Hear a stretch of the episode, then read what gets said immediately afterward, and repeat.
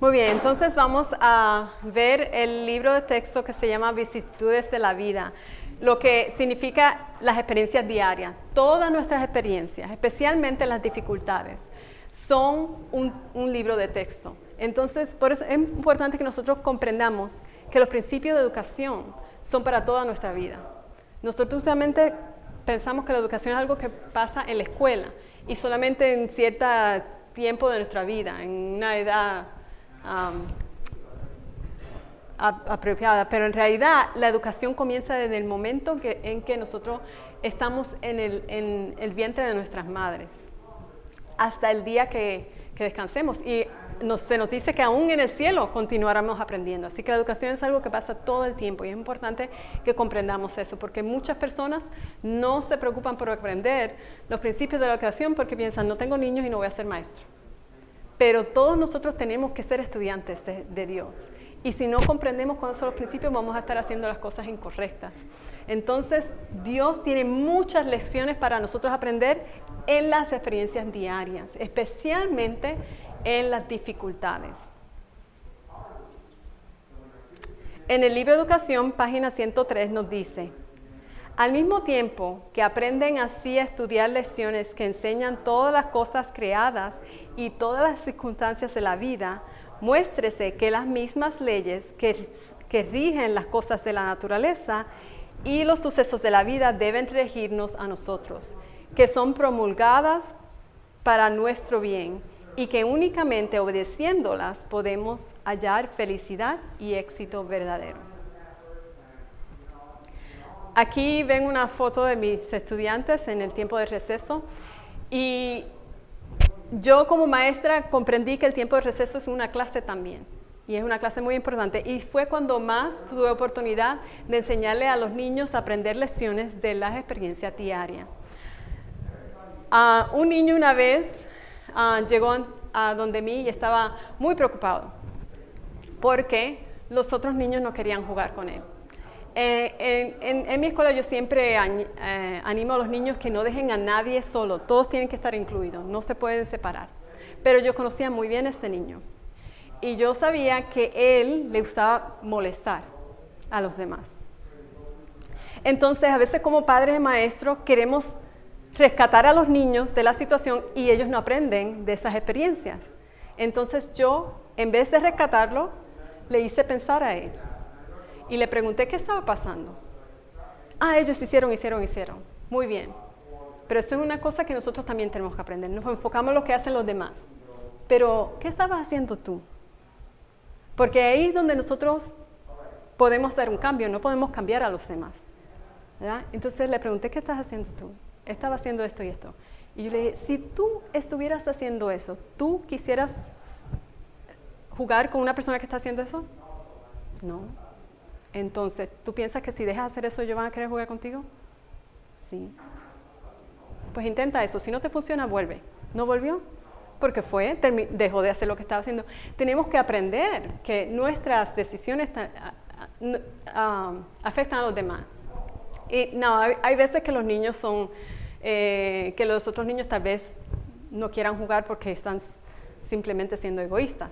Y si hay momentos en que yo intervengo, pero yo trato de que ellos aprendan de sus propias experiencias, porque si nosotros los sacamos de las dificultades, no van a aprender. Y Dios aún en nuestra, eh, eh, eh, cuando somos adultos, Él todavía nos está tratando de enseñar a través de las dificultades. Por eso no nos rescata de ellas, porque en ellas es que aprendemos. Entonces no podemos rescatar a los niños de todas sus dificultades. Tenemos que ayudarles a saber cómo lidiar con ellas y qué aprender de ellas. Hay veces que no es algo que ellos están haciendo, entonces aún hay que enseñarles a aprender cómo lidiar con esa situación. Obviamente, como maestra, yo también soy responsable de los demás, o si ellos hicieron algo que no deben, voy a hablar con ellos también. Pero nosotros tenemos que aprender a enseñarles a los niños a lidiar con las dificultades de la vida. Las vicisitudes de la vida es uno de nuestros libros de textos que estamos aprendiendo de él todo el tiempo, porque estamos todo el tiempo experimentando cosas diferentes. Ese día eh, yo saqué estos jacks, no sé cómo se le dice en español. Yo jugué con ellos mucho cuando era chica y los niños ahora no, no juegan con esto, pero yo se los traje, ¿no? Entonces les expliqué cómo era el juego Y ellos comenzaron y lo encontraron muy difícil y dijeron, ya no voy a no vamos a jugar. Y yo les dije, bueno, pero si van a dejarlo porque es difícil, no van a aprender, inténtenlo. Entonces, que ellos estaban tratando de, que tú tienes que recoger, tirar la bola y recoger uno, después tirar la bola y recoger dos, tirar la bola. Entonces ellos querían llegar hasta el final, como se les caía en algún momento, entonces yo les dije, mira, tal vez al principio, mientras están aprendiendo, eh, ponte como meta algo más pequeño. Entonces, ponte como meta que vas a llegar al 3. Porque si te pones una meta ya y no llegas, te vas a desanimar. Hasta el 3. Muy bien, vamos a tratar hasta el 3. Y ellos siguieron y siguieron hasta que llegaron hasta el 3. Y después, uff, ok, se puede. Entonces continuaron. Entonces, eh, pero si nosotros, ay, no, no supe, ah, pues juega otra cosa. Hay que animar a los niños a que aprendan a superar las dificultades para que puedan seguir adelante, porque si encuentran una dificultad y no van a seguir, nunca van a crecer. También tuve la experiencia con este niño que ah, nos llegó a la escuela y todos los niños eh, sabían cómo saltar la cuerda y les gustaba ir a saltar cuerda. Y él pues subió a todos los demás y él también nunca había hecho, sacó la cuerda y empezó y se dio cuenta que no es algo que sale automáticamente. Y entonces se frustró y la tiró al lado. Y yo le dije, no, no, inténtalo otra vez. Y él, no, pero es que es difícil, ellos se hace fácil, pero a mí no se me hace fácil. Y yo dije, pero a ellos no se les hacía fácil cuando empezaron. Entonces uno de los niños le dijo, ven, yo te voy a estar contigo y te voy a practicar contigo. Y el niño con mucha paciencia ah, estuvo con él hasta que él empezó a aprender y después él estaba brincando como los demás, pero si no, nunca había aprendido. Entonces, muchas cosas que podemos ayudar a los niños no ven esa, esa enseñanzas, pero nosotros tenemos que guiarlas. Y aquellos de nosotros que hemos llegado a ser adultos y no recibimos esta clase de, educación, tenemos que enseñarnos a nosotros también, porque nosotros tenemos muchas experiencias que las ah, desperdiciamos sin aprender de ellas porque no estamos, eh, estamos acostumbrados a aprender de cada dificultad, de, analizar las, cosas que podemos aprender de ella. Entonces, a los niños hay que guiarlos en esta experiencia y así cuando ellos crecen pueden eh, superar muchas dificultades. Los demás textos no los voy a hacer, no los voy a explicar en esta parte porque voy a entrar en la parte de materias de estudio y los textos de Biblia, de la naturaleza y del ah, trabajo útil no solamente son textos, pero también son materias de estudio. Se supone que haya un periodo en la escuela que se utilice para enseñar esto. Entonces lo voy a estar presentando en esta parte. El primero y más importante es la Biblia, que no solamente es un texto, pero debe ser una materia que se enseña en nuestras escuelas. En Salmos 119, ah, versículo 130 nos dice, la exposición de tus palabras alumbra hace entender a los simples. Entonces, la fuente de sabiduría en realidad es la palabra de Dios. Y a la persona más simple le puede dar sabiduría, incluyendo a los niños. En Consejos para la Iglesia, página 365, nos dice, los estudiantes han de ser educados en el cristianismo práctico y la Biblia debe ser considerada, considerada como el libro de texto supremo y más importante. Educación Cristiana, página 225, dice, la Biblia es la única regla de fe y doctrina. Y no hay nada más, más a propósito para vigorizar la mente y fortalecer el intelecto que el estudio de la palabra de Dios. No hay otro libro que sea tan poderoso para elevar los pensamientos y dar vigor a las facultades como las vastas y ennoblecedoras verdades de la Biblia. Si se estudiara la palabra de Dios como es debido, los hombres tendrían una grandeza de entendimiento, una nobleza de carácter y una firmeza de propósito que rara vez se ven en estos tiempos. Y yo he podido ah, ver esto en práctica en, en la escuelita. A veces nosotros pensamos que el tiempo que pasamos en Biblia nos quita de, los otros, de las otras materias y que los niños eh, pues no van a hacer también esas materias. Pero en realidad este tiempo ayuda en todas las materias. Porque la Biblia es la que da, la que fortalece y envergüenza la mente más que ningún otro y eleva los pensamientos. Entonces, una persona que en realidad aprende de la Biblia va a poder tener una mente más alta para aprender todas las demás cosas. Cuando yo llegué a la escuelita, después de haber estado enseñando en escuelas públicas por, um, por 10 años, fue un tiempo para yo aprender también, porque ya estaba acostumbrado a un sistema completamente opuesto a Dios. Y al principio pensé, cuando tuve que hacer el, el horario, pensé, bueno, son las mismas horas de escuela, pero ahora tengo que poner el tiempo de Biblia, tengo que poner el tiempo para las clases manuales y eso cortó, cortó todas las demás clases.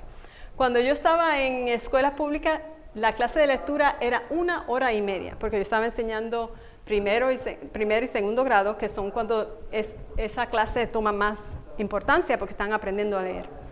Ahora la tuve que acortar a la mitad, 45 minutos de una hora y media que yo daba antes. Y pensé que los niños iban a tardar más en aprender a leer, pero fue lo opuesto. Yo compré Biblias para todos los niños, aún los que no sabían leer, y empezamos el día con la clase de Biblia. Y teníamos, no porque tengan eh, ninguna en contra de, de, otras versiones, pero nosotros utilizamos la Biblia en inglés de King James Version. Y a veces tenemos el pensar que los niños no van a entender, pero si no, les, no los exponemos a ese lenguaje no lo van a aprender. Y sin embargo yo le di la Biblia y pensé los niños más pequeños, pues para que no se sientan que, que los dejamos fuera, para que le tengan ahí, pero no pensé que iban a leer. Es mi primer año eh, sin experiencia. Ah, y empezamos a dar la clase de Biblia de la Biblia, no dándoles simplemente las historias, pero íbamos a la, a la, Biblia para que ellos vieran que esas historias que ellos aprenden en la escuela sabética están en la Biblia, que están en la palabra de Dios y que ellos mismos las pueden encontrar. Y nosotros comenzamos. Y los niños, yo les preguntaba, ¿quién quiere leer el próximo versículo?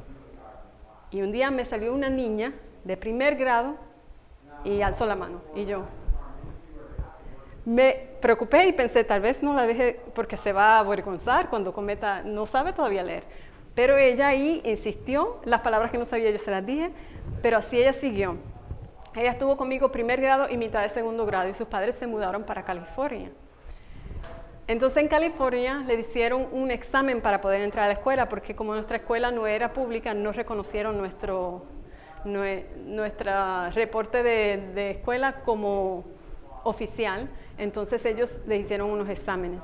Y la maestra habló con su mamá y le dijo, qué extraño, yo le hice muchas preguntas de la, porque como era un examen de lectura, le hizo muchas preguntas de los cuentos y, ella no sabía nada, no sabía ni quién era Pinocchio, no sabía quién era, pero sin embargo salió en un nivel, ella estaba en ese tiempo en segundo grado, salió en un nivel de sexto grado en lectura. Y la maestra no sabía. Y ella dijo, ¿cómo aprendió esta niña a leer si no sabe ninguno de los cuentos? Y la mamá dijo, es que su maestra le enseñó a leer la Biblia. Entonces la mamá fue la que me llamó y me dijo, tú no puedes creer. Y esa niña fue siempre bien inteligente, pero ella en su casa no le habían enseñado nada si no fuera de la naturaleza, las cosas. Le estaban, en la casa habían seguido eso y cuando la llevaron a la escuela, ella vino así ya preparada y aprendió muy rápido. Entonces los padres a veces se preocupan que si esperan para enseñarles a leer, para enseñarles esto, van a estar atrasados, pero en realidad ellos avanzan más si aprenden a leer y aprenden a hacer estas cosas más tarde, cuando en realidad su mente está lista y en los años más jóvenes están aprendiendo más a desarrollar su carácter. Y, y entonces eso fue una experiencia que siempre la, he tenido porque he visto eso que ha sido una realidad. Los niños que me han venido de escuela, que ya comenzaron a aprender a leer ah, con el sistema del mundo, tienen más dificultad en la lectura que los que aprendieron conmigo a, simplemente seguir la palabra de Dios. En esto es que nosotros cuando comenzamos Biblia no le teníamos tiempo limitado, sino que la Biblia tomaba el tiempo que daba y después el resto del día lo acomodábamos. Eh, Invitamos varias personas de nuestro ministerio. Este es el, era, era, el pastor de una de nuestras escuelas, de una, perdón, una de nuestras iglesias. Y él les gustaba mucho estudiar la naturaleza. y siempre que venía a, dar la clase de Biblia les daba una lección de la naturaleza eh, que estaba conectada con lo espiritual. Y esto también es muy importante, vamos a ver ah, más adelante que la naturaleza es el segundo libro de texto. Ah, así que los niños aprendieron mucho y como pueden ver, mira, este niño que está acá, ese niño era muy inquieto y muy difícil que él prestara atención. Pero sin embargo, estaban hablando de la Biblia, en el tiempo de Biblia estaba así, ¿ya lo ve? Así. No, el resto del día no tanto, pero entonces no podemos pensar que los niños, porque son inquietos, ellos no pueden aprender los temas de la Biblia. Eh, la Biblia es, se hizo para el más simple. Ese es el capellán de nuestro, de nuestro centro de salud y él venía todos los viernes a la clase de Biblia y él comenzó a enseñarles del libro de Apocalipsis. Entonces, cuando él me vino y me dijo que les iba a enseñar eso, yo no le dije nada porque él es un hombre muy consagrado y yo pensé, el Señor le impresionó hacer eso, entonces que lo haga, pero en mi mente yo pensé, pero Apocalipsis, y estos niños no van a entender nada, pero los niños estaban así aprendiendo y una de las niñas, la mamá me dijo, ella está leyendo el libro de Apocalipsis porque dice que le encanta esa, esa clase más que todas. Y estaba tan emocionada lo que estaba aprendiendo ahí. Él lo hacía muy práctico, pero les enseñaba todo, así iba por versículo por versículo y lo traía las cosas prácticas para que ellos comprendieran, pero ellos estaban muy, les encantaba la, clase. Esperaban a ese maestro más que todos los demás y él era el que le enseñó más profundo. Este es el, pastor Atwood um, y él todos los años nos daba una, una semana de oración. En este tiempo estaba enseñando ahí, como pueden ver, del santuario y los niños también se interesaron mucho en eso. Nosotros también en la clase de Biblia le hablamos del santuario porque es un mensaje muy importante que muchos de nosotros como adventistas no entendemos, pero desde niñez ellos pueden entender, pueden entender los simples mensajes. Y obviamente la Biblia es como Dios habla con nosotros y la comunicación no puede ser solamente de un lado, así que nosotros enseñamos a nuestros niños a orar. Y para ellos es muy difícil porque el niño los niños no comprenden lo abstracto y Dios para ellos es algo abstracto. Entonces cuando tú le dices que van a orar, ellos se quedan así como que, ¿qué digo? Entonces lo que nosotros hicimos, los pusimos en dos y le dimos un tiempo. Yo le daba como unos tres minutos y les decía, tu hora cuando terminas tu hora.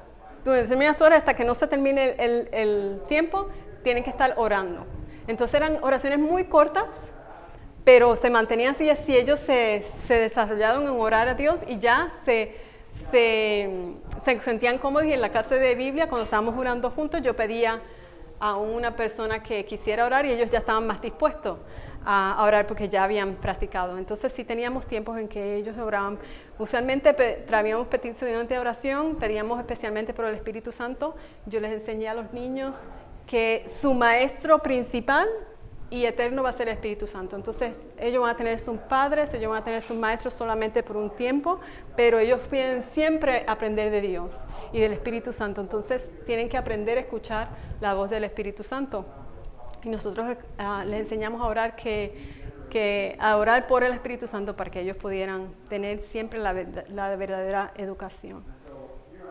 El próximo libro de texto es La naturaleza y nos dice en Conducción del Niño, página 43, la naturaleza ha de ser nuestro gran libro de texto después de la Biblia.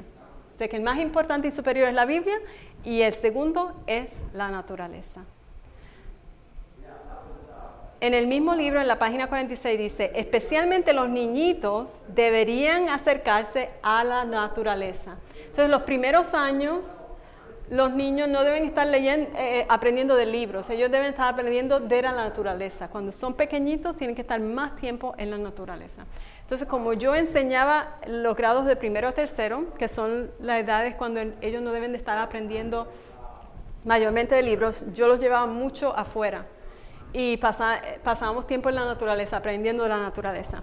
En este día, en esta foto que ven ahí, ah, los niños pasan dificultad estando solos pero tienen que aprender. Entonces yo les daba un pedacito de, una caja para que vieran que ese es su, área, no se pueden mover de ahí. Entonces ellos pueden mirar a su alrededor y, tenían que buscar algo que les enseñara algo de Dios. Y yo les daba un tiempo, los mandaba, les ponía la caja uno acá, otro allá para que no se distrajeran unos a los otros. Y ellos tenían unos 20 minutos que tenían que estar en silencio con Dios en la naturaleza. Al principio, cuando yo los llamaba y les preguntaba qué aprendieron de Dios, muchos no sabían.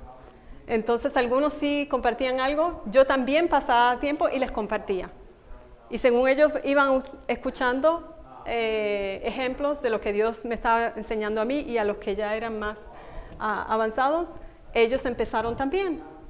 Y pronto ya todos estaban compartiendo. Pero hay que dar esa experiencia, no se puede pensar que los niños no pueden. No importa la edad, ellos pueden aprender a escuchar la voz de Dios y a, través de la naturaleza. Nosotros tenemos la bendición de estar en un ministerio que tiene ah, mucha naturaleza linda alrededor, muchas am, caminos donde podemos ir y verdaderamente estar separados de todos los edificios. Entonces había un camino que sube ah, detrás de la escuelita, hay un camino que sube una montaña y cuando llega al tope de la montaña hay como unos, unos asientitos ahí.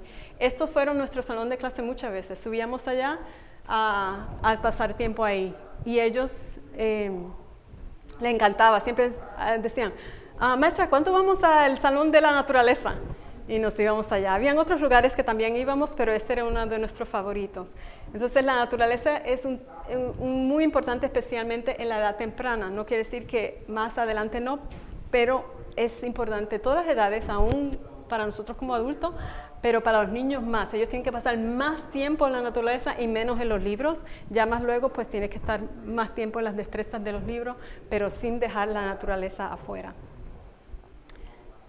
La otra materia que se debe enseñar en todas las escuelas es ah, los deberes prácticos. No, no sé por qué ahí quedó todavía en inglés, pero los deberes prácticos. En el libro de conducción del niño, página 328, nos dice, Dios desea que tanto los padres como los maestros preparen a los hijos en los deberes prácticos de la vida de cada día. A veces los padres piensan, pero ¿por qué los niños tienen que aprender en la casa a hacer los quehaceres de la, de la- en la escuela los quehaceres de la casa?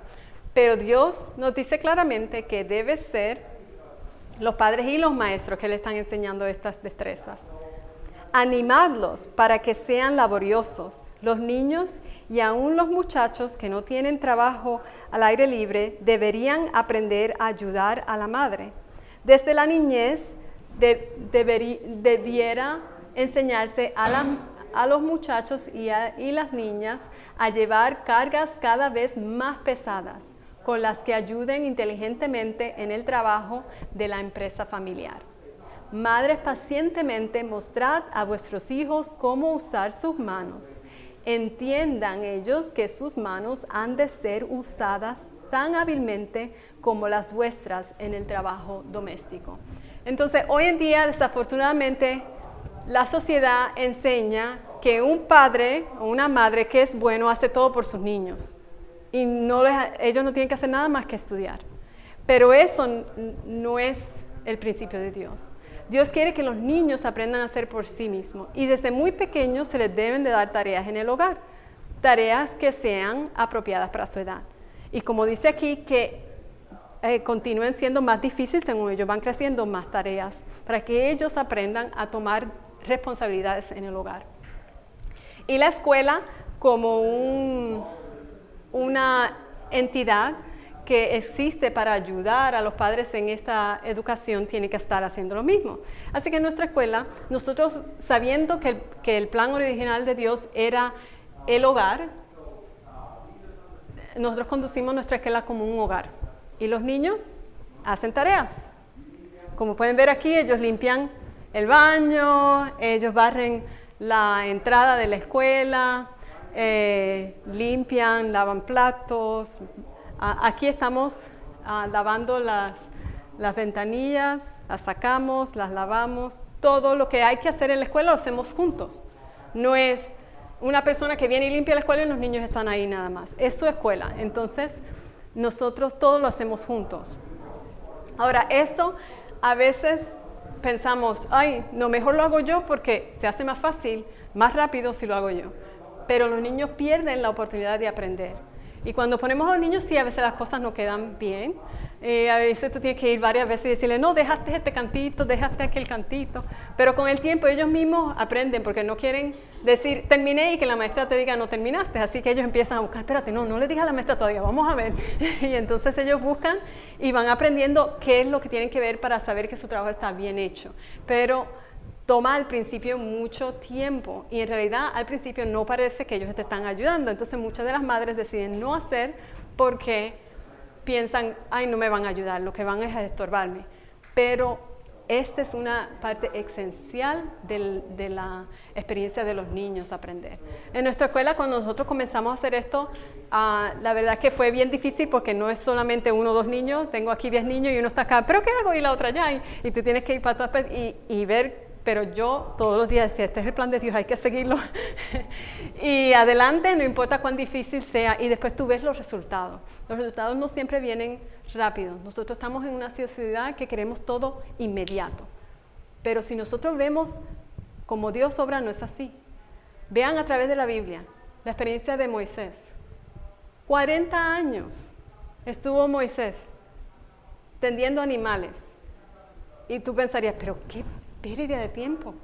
Pero Dios lo estaba preparando para ser un líder. Y ninguno de esos momentos fue perdido. Entonces todas estas cosas son importantes y toman tiempo. Y no vamos a ver los resultados tal vez hasta muchos años. A veces los, vamos, vemos inmediato, a veces no.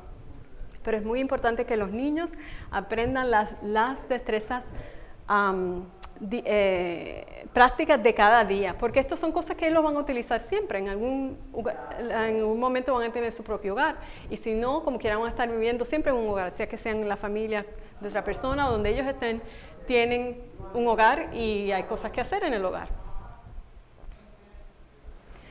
La otra materia es la educación manual. Esta es una de las cosas que, que uh, identifican una escuela que está haciendo um, educación verdadera, como vimos en una de las presentaciones anteriores. Eh, Ellen White nos dice que Dios instituyó nuestras escuelas para que pudieran enseñar destrezas manuales también a nuestros estudiantes. En el libro de educación, página 218, nos dice, la educación manual merece más atención de la que se le ha prestado. Se deberían abrir escuelas que además de proporcionar una cultura mental y moral superior, dispongan de los mejores medios posibles para el desarrollo físico y la capacidad industrial. Se deberían enseñar agricultura, trabajos manuales, tantos oficios útiles como sea posible, economía doméstica, arte culinario, costura, confección de ropas, eh, ropa higiénica, tratamiento a enfermos y otras cosas parecidas. Se debería disponer de jardines, talleres y salas de tratamientos y la dirección del trabajo en todas las ramas debería estar a cargo de instructores expertos. Entonces, vemos que Dios quiere que en nuestras escuelas no se aprendan solamente las ramas comunes de la matemática y la lectura, pero que aprendan también destrezas manuales. La agricultura es una de las más importantes de estas destrezas manuales. Todas nuestras escuelas deberían tener la materia de la agricultura. Y como, porque la agricultura tiene una dirección, una conexión, perdón, una conexión directa con nuestra espiritualidad. En la agricultura podemos aprender del libro de la naturaleza y podemos ver cómo Dios obra con nosotros a través del cultivo de la tierra. En el libro Condición del Niño, página 334, nos dice, ningún ramo de trabajo manual es de más valor que la agricultura. Se debería hacer mayor esfuerzo para crear y alentar el interés en las tareas agrícolas. Llame el maestro la atención hacia lo que la Biblia dice en cuanto a la agricultura que era el plan de Dios, que el hombre labrase la tierra, que al primer hombre gobernante de todo el mundo le fue dado un jardín para que lo cultivara y que muchos de los más grandes hombres del mundo, su verdadera nobleza, han sido cultivadores del suelo. El que se gana la vida por medio de la agricultura escapa muchas tentaciones y goza en innumerables bendiciones y privilegios negados a aquellos que trabajan en las grandes ciudades. Hoy en día el mundo ve al agricultor como una persona de poca importancia. Por eso nosotros tenemos que comprender que los principios y la mente de Dios muy diferente de los principios de la mente de este mundo. Lo que nosotros vemos como algo sin valor es lo que Dios le da más valor. Entonces, de todas las destrezas manuales, Dios pone la agricultura en lo más alto. Y en ella podemos aprender muchas cosas espirituales. Aquí vemos en Mente, Carácter y Personalidad, tomo 1, página 197, que dice, en los estudios de nuestras escuelas, lo natural y lo espiritual han de combinarse. Los trabajos agrícolas ilustran las lecciones bíblicas. Las leyes que la tierra obedece revelan el hecho de que está bajo el dominio magistral de un Dios infinito. Los mismos principios rigen el mundo espiritual y el mundo natural. Entonces, cuando llevamos a los niños al jardín y trabajamos en el jardín, es importante que no solamente ellos aprendan cómo ah, cultivar la tierra, cómo tomar cuidado de las plantas, sino que ellos puedan aprender lecciones espirituales de eso. Y especialmente tenemos en la Biblia una parábola que nos muestra eh, el trabajo que Dios hace en nuestros corazones cuando vemos la, la parábola del sembrador, que tira la semilla, que es la palabra de Dios, en en diferentes lugares y estos terrenos significan los diferentes corazones. Entonces los niños tienen que aprender cómo preparar su corazón para que sea un, un, corazón que está listo para recibir la semilla y para que la semilla pueda crecer. Entonces cuando nosotros estamos trabajando en la agricultura debemos hacer esto. En nuestra escuela nosotros tenemos un jardín pequeño en la escuela, pero también vamos en la en el ministerio tenemos un, um, ¿cómo se le dice farm en, español? Una granja. Y, llevamos a los niños allá una vez a la semana para que ellos puedan también aprender ya de, un, de una situación de agricultura un poco más, más envuelta. Este joven que ven en esta foto, él fue uno de nuestros mejores líderes en, en la granja en el tiempo que los niños han trabajado ahí, porque él siempre traía eh, lecciones espirituales de todo lo que los niños hacían. Un muchacho muy consagrado. Fue muy triste cuando se nos fue, porque en realidad en esa parte él era muy una bendición muy grande porque él les enseñaba mucho, mucho espiritual y los enseñó a ellos a buscar. Él les decía al principio, él empezaba con un, pensamiento espiritual, oraban y les decía, quiero que busquen lecciones espirituales y al final les preguntaba qué aprendieron y ellos también se, se acostumbraron a buscar las lecciones espirituales. En Testimonios para la Iglesia, tomo 1, página 183, nos dice, el estudio en materia de, agricultura debe de ser el ABC de la educación en nuestras escuelas. Así que esta, e, esta educación es muy esencial en nuestras escuelas, la de la agricultura. Aquí van a ver, este, los niños se gozaban mucho de, la agricultura. en esta, en, en, este, en esta foto pueden ver cómo estamos comenzando un jardín y ellos tienen que ser parte de todo para que ellos puedan aprender. No simplemente tú preparas el lugar y después ellos nada más ponen su semilla ahí. Pero aquí el, el agricultor, el director de la granja llegó y, y, y preparó el, el terreno y entonces ahora nos tocaba preparar las, las hileras para que pudiéramos plantar. Entonces nosotros planeamos juntos. Y dijimos, ok, vamos a plantar estas plantas. nos dicen que necesitan tanto espacio. Entonces, ¿qué tan grande tenemos que hacer las hileras? Ellos eran parte de eso. Ahí estamos haciendo matemática.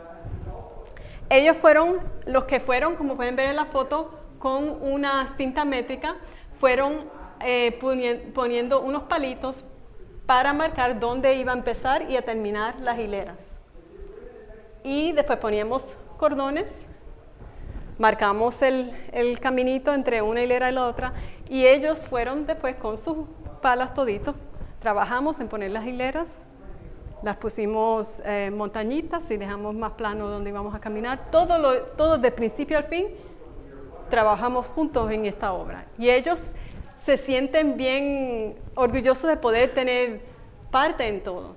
Entonces nosotros damos dirección, pero ellos eran los que iban y, medían y ponían los, palitos, todo lo estaban haciendo, ellos estaban teniendo parte en todo. Aquí están en, la, la granja, estamos este día, ellos eh, van al Farmers Market um, una vez en semana y los niños ayudaban a recoger, a cultivar para, llevar a, la venta. Y ellos ayudaban a ponerlos, sí, de, Hortaliza, hortaliza. Muy bien, muy bien. Sí, eso me parecía. Gracias por la aclaración. Entonces, esa es la hortaliza. Muy bien, entonces aquí ellos, uh, estos que, eh, este es Swiss chard. Hmm. Bueno, e, estos ellos los, los, ponían en, en, grupitos por número de, hojas. Entonces se les decía, este número de hojas las vas a poner y las vas a amarrar. Entonces ellos contaban, amarraban. A veces era por peso. Entonces ellos tenían que recoger, ponerlo en la balanza y si se pasaba ellos empezaran a sacarle, están haciendo matemática ahí mismo. Pero es práctico. Ellos están viendo el valor de esas cosas, pero cuando nosotros enseñamos a los niños estas cosas simplemente de los libros, ellos piensan, pues ¿cuál es el valor de estas cosas? Todo está eh, nosotros tenemos en la mente del mundo todo lo, departamentalizamos, entonces este es el tiempo de matemática, este es el tiempo de ciencia, este, pero en realidad todas las cosas están integradas unas con otras. Todas estas destrezas hay que aprenderlas, pero mientras más estén juntas con la realidad de la vida, mejores. Si las ponemos aparte, no van a ser igual de, de beneficiosas. Aquí lo, eh, también les cortaban el todo lo que hacían para prepararlas para estar listas para la venta, los niños lo hacían. Ah, este es en nuestro jardín, en la escuela. Tenemos aquí, porque tenemos muchos árboles, no podemos cultivar muchas cosas, pero las lechugas y, y, muchos de los que son hojas se dan bien ahí. Los, frutos, los que producen un fruto necesitan más sol y no se nos daban bien, por eso teníamos la oportunidad de trabajar en, en la... Ay, ¿cómo me dijo que era? Hortaliza. La voy a poner aquí para que no se me olvide. Hortaliza. Muy bien. Aquí estábamos aprendiendo cómo plantar eh, fresas y yo les eh, mostré a los niños cómo cubrir y ellos mismos cubrieron el terreno. Hicimos los huequitos, plantamos la plantica, todo hicimos. Entonces, cuando ellas crecen, siguen sacando hijitos. Entonces ellos aprendieron cómo poner un tiestito para que creciera el hijo y cuando ah, ya estaban ah, crecidos las, las raíces, los cortábamos y ahí teníamos planticas que pudimos vender para, para ganar fondos para la escuela. Aquí estamos plantando y aquí es cuando fuimos a venderlas. En nuestro ministerio tenemos también un, una tienda de productos naturales. Entonces, enfrente de la tienda tienen esa mesa ah, que, ven en, la foto de abajo. Y nosotros nos íbamos ahí, nos fuimos ahí, pusimos todas las, las plantitas, las estábamos vendiendo por dos dólares, como pueden ver. Y al principio estábamos ahí en la mesa y los niños estaban, ay, pero la gente está pasando y no están parando, podemos ir hasta allá. Y se llevaron el sign, se lo llevaron hasta afuera, lo ven allá como van hasta los carros y les dicen a las personas que están vendiendo. Y entonces cuando las personas le daban el dinero, ellos tenían que coger el dinero y si no le daban exacto el dinero, tenían que calcular cuál era el cambio que tenían que darle. Yo no les dije nada y cuando terminamos la clase, una de las niñas me dijo, esta es la mejor clase de matemáticas que hemos tenido. Y yo nunca hice la conexión de que era clase de matemáticas, pero fue clase de matemáticas, ¿no? Aquí está, oh, perdón. Aquí estamos trabajando en el jardín de la escuela, estamos preparando para poner flores. Se nos dice también en los consejos inspirados que es importante embellecer el alrededor de nuestros hogares y de nuestras instituciones con flores que nos, que nos recuerdan del amor de Dios, que nos dio no solamente lo que necesitamos, pero aún más. Ella dice que las flores y los pajaritos son una señal del amor de Dios, porque son cosas que no necesitamos, pero nos las dio simplemente para complacernos, para traernos gozo. Entonces fuimos, hay un lugar cerca de la escuela donde hay muchas rocas. Eh, ya fuimos con el carrito, ellos recogieron las rocas, las trajeron acá, las fuimos poniendo alrededor para hacer el área donde íbamos a poner las flores. Todo iban cargando el agua al principio hasta que conseguimos comprar una, una manguera que era larga, suficiente para llegar hasta allá. Y ellos les encanta el tiempo de ir a la agricultura. Aquí estamos construyendo un área para poner para empezar a hacer el, compost. composta, la composta, muy bien. Entonces cogimos estos palets que los, los recogimos de la, de la, tienda y ellos mismos, como pueden ver, los están martillando juntos, los pusimos todos juntos y ahí entonces poníamos a nuestra composta. ¿Composta? Aquí están en la clase en la hortaliza. Ah, pueden ver como el, director de la hortaliza está ahí compartiendo desde la palabra de Dios. Y eso es muy importante. No podemos ir simplemente con que tenemos que hacer este trabajo, pero eh, recordar que la agricultura tiene mucho que ver con lo espiritual. Y entonces ellos de todo allá participaban. Recogían, plantaban. Aquí están preparando el, las hileras, los muchachos este, ese día estaban, los varones nada más estaban trabajando allá, las niñas estaban cogiendo una clase de cocina y eh, ellos llegaron ese día súper contentos porque estaban todos sucios. ellos, no, trabajamos fuerte, mira, mira, estaban todos llenos de lodo y estaban cargando toda la tierra que necesitaban, la estaban mezclando, todo el trabajo que a veces pensamos, ay, los niños no pueden, pero ellos no llenaban la cubeta hasta arriba, pero se les llenaba suficiente que ellos los podían cargar y así ellos van creando músculo. Y también estaban muy contentos porque los niños les encantan las máquinas y pudieron eh, eh, aprender cómo esta máquina funciona. No la guiaron ellos, pero el, el director les, les mostró. También las niñas ayudaron el próximo día a terminar el trabajo Ah, que los, varones estaban haciendo y estaban haciéndolo juntos. Estos son plantas de, blueberries. ¿Cómo se dice? Morazul. Morazul, muy bien. Aquí están recogiendo también, preparando. Ellos vieron cosas, bueno, yo misma estaba aprendiendo porque todas estas son cosas que yo no sabía. Esta, esta, este aparato, eh, según ellos lo iban pasando, hacía los huequitos y después ellos venían las plantitas que las tenían en los tiestitos, eso las pasaban ahí. Y ellos estaban todos esperando que fuera su turno para hacer eso porque pensaba que era algo tan grandioso, pero son cosas simples, ¿no? Y cuando los niños están acostumbrados a vivir una vida simple, ellos encuentran gozo en las cosas simples. aquí están, estábamos recogiendo eh, sweet potatoes, papas dulces, cultivando, cargando.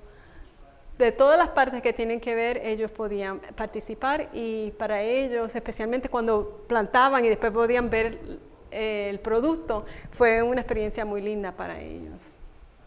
También ellos ah, participaron en ayudar a plantar eh, una área de flores alrededor del centro de salud y, los, las personas que estaban quedando ahí salieron y ellos estaban súper sorprendidos que estos niños estaban trabajando, porque ellos trabajan, cuando están ahí ellos están trabajando.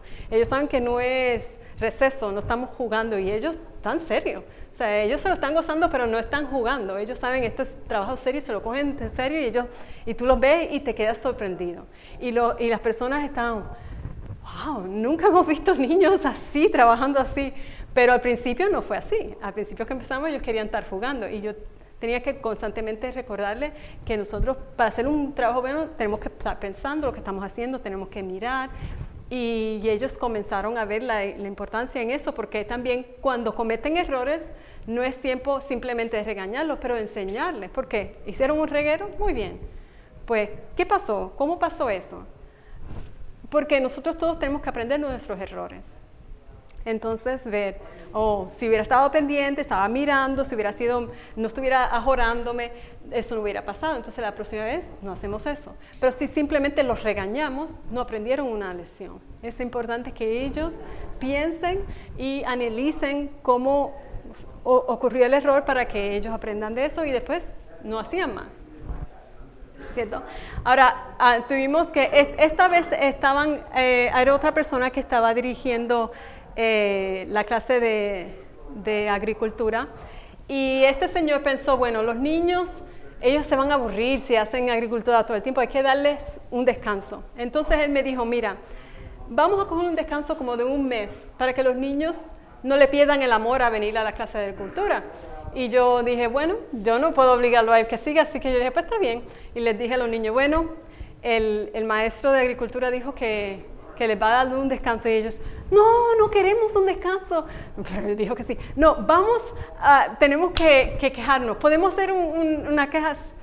Bueno, entonces me pidieron que les consiguiera una cartulina para hacer un, un sign y ellos hicieron un sign, mírenlo aquí. Y dice, we want to go to the farm. Help plants. Queremos ir a la hortaliza.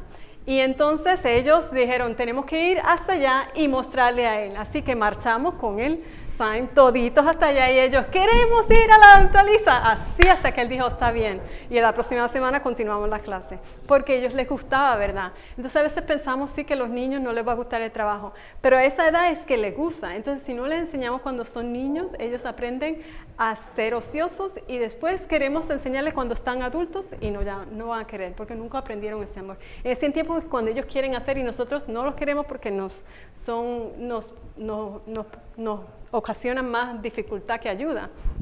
Y nosotros, gracias a Dios, nosotros empezamos yendo a la hortaliza y al principio que yo fui a hablar con la persona que estaba encargada, él me miró como, tú a traer a los niñitos aquí, pues tal vez una vez al mes. No, al principio me dijo, pues yo te digo cuánto lo puedo poner en el, en el calendario. Y pasaban los meses y no me decía, entonces yo fui otra vez dijo, yo necesito que sea algo consistente, no solamente una vez aquí. Pues sabes, una vez al mes. Y yo, una vez al mes, ok, vamos, una vez al mes. Pero cuando él vio que los niños estaban trabajando, que lo estaban tomando en serio, sí, después dijo, está bien, vamos, podemos hacerlo una vez en semana. Y así empecé yendo a los otros departamentos. Y al principio, pues todos estaban un poquito como que niños, acá nos van a hacer problemas, nos van a causar problemas. Y sí, al principio no van a cometer errores y van a haber gastos. Hay cosas que rompen, hay pero hay que invertir en los niños. Dios invirtió todo en nosotros, entonces tenemos que estar dispuestos. Pero sí hay que enseñarles, no podemos ir ahí y decir, porque son niños, ellos pueden ser un desastre. No. Desde el principio hay que decirle a los niños, nosotros vamos allá y tenemos que ayudar a ellos y inspirarlos a hacer su mejor trabajo. Y a ellos les gusta, a ellos les gusta y, y se sienten bien de saber que pudieron hacer algo que ayudó. A otra materia que se nos dice que debemos de presentar en nuestras escuelas es la cocina. Oh, perdón. En el libro Consejos para Maestros, página 120, nos dice, no descuidéis de enseñar a vuestros hijos cómo preparar alimentos sanos, no solamente cómo preparar alimentos, pero alimentos sanos.